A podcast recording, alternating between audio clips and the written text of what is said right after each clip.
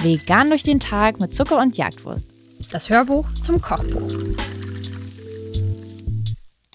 In unserem Kochbuch findet ihr so viele Frühstücksrezepte. Ich muss sagen, das, was ich am allerhäufigsten davon esse, ist dieses hier. Das Tahin Granola.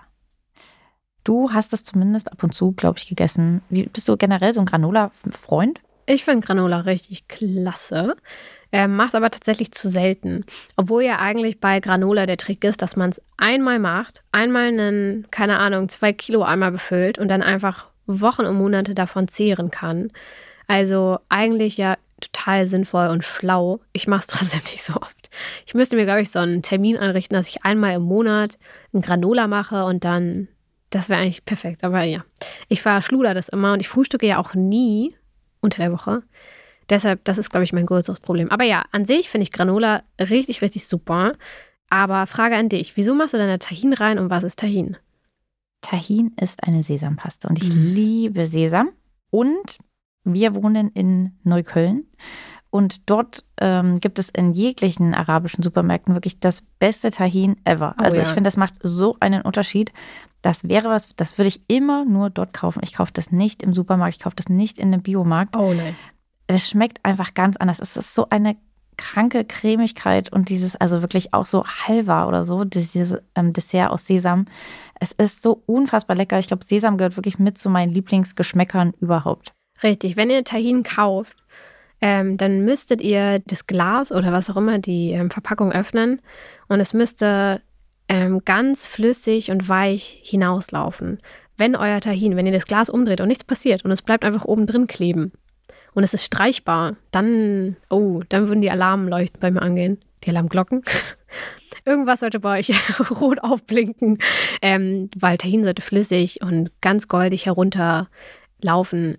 So sollte Tahin sein. Und alles andere könnt ihr direkt lassen. Das stimmt. Wenn ihr aber jetzt eine Sesamallergie habt, dann könnt ihr ja. natürlich auch.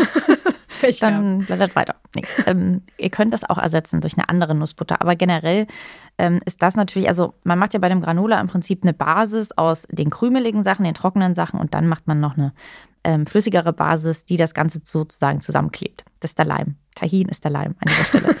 Aber ihr könnt dafür eben auch anderes nutzen. Ich nehme ja hier auch noch weißes Mandelmus, ähm, weil ich das Teuer. einfach genau, weil ich einfach sehr viel Geld gern ausgeben wollte bei diesem Rezept. Ihr könnt natürlich andere Sachen auch mm. benutzen. Man kann auch Schokolade wahrscheinlich benutzen. Ja, oder? Geschmolzene ja, Schokolade wäre jetzt ja. nicht meins, das wäre mir zu viel.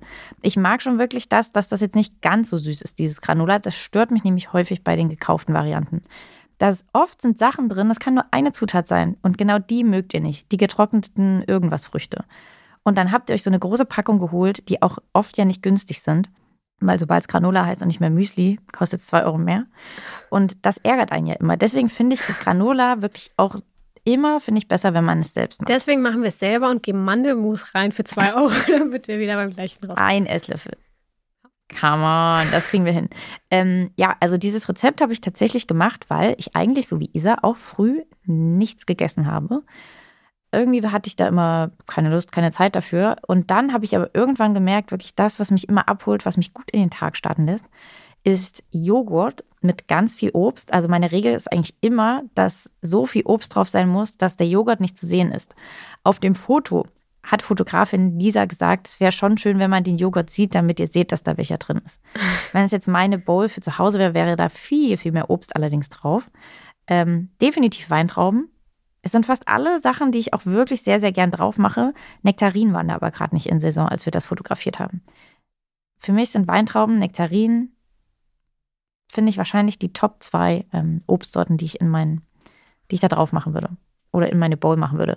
Und dann habe ich eben ziemlich lange sowohl das Tahin einfach drüber geträufelt, Haferflocken reingemacht, ich habe ähm, Nüsse reingemacht und irgendwann dachte ich, das wäre jetzt viel schlauer, wenn ich diese ganzen Komponenten einfach mal zusammenkippe und dann diesen Schritt spare, um es noch bequemer zu haben. Und so ist dieses Granola irgendwann entstanden. Und seitdem ist es wirklich, ist das Frühstück, es ist ein Klacks, es geht ganz, ganz schnell. Weißt du, was mir gerade für zwei Sachen auffallen, jetzt wo das Bild hier so vor mir liegt? Sag mal. Erstens, ähm, wenn ihr Himbeeren dazugebt, schneidet sie längs auf. Es sieht so viel besser aus und professioneller und fancier. Dabei habt ihr sie einfach nur anders geschnitten oder einfach überhaupt geschnitten. Und zweitens, wir haben auf diesem Bild unsere Joghurt Bowl auf so einen ähm, hitzebeständigen Untersetzer für so Töpfe gestellt, ne? obwohl es eine kalte Bowl ist. Naja.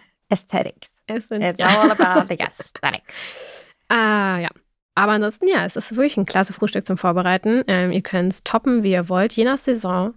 Ähm, ihr könnt es ähm, servieren auf einem ähm, hitzebeständigen Untersetzer für heiße Töpfe und Pfannen oder auch nicht. Ähm, macht das, wie ihr wollt. Aber Tahin ist wirklich ähm, eine klasse Zutat, die man hier mal ausprobieren kann. Die bringt so eine Salzigkeit rein, eine Herzhaftigkeit. Und ist eine tolle Abwechslung zu eurem langweiligen Müsli. Also nein. Ähm. nee. Wir hören jetzt lieber auf. Ja. Ähm, stellen wir uns jetzt alle mal im Kalender ein, einmal im Monat Granola. Tahin Granola machen. Und los.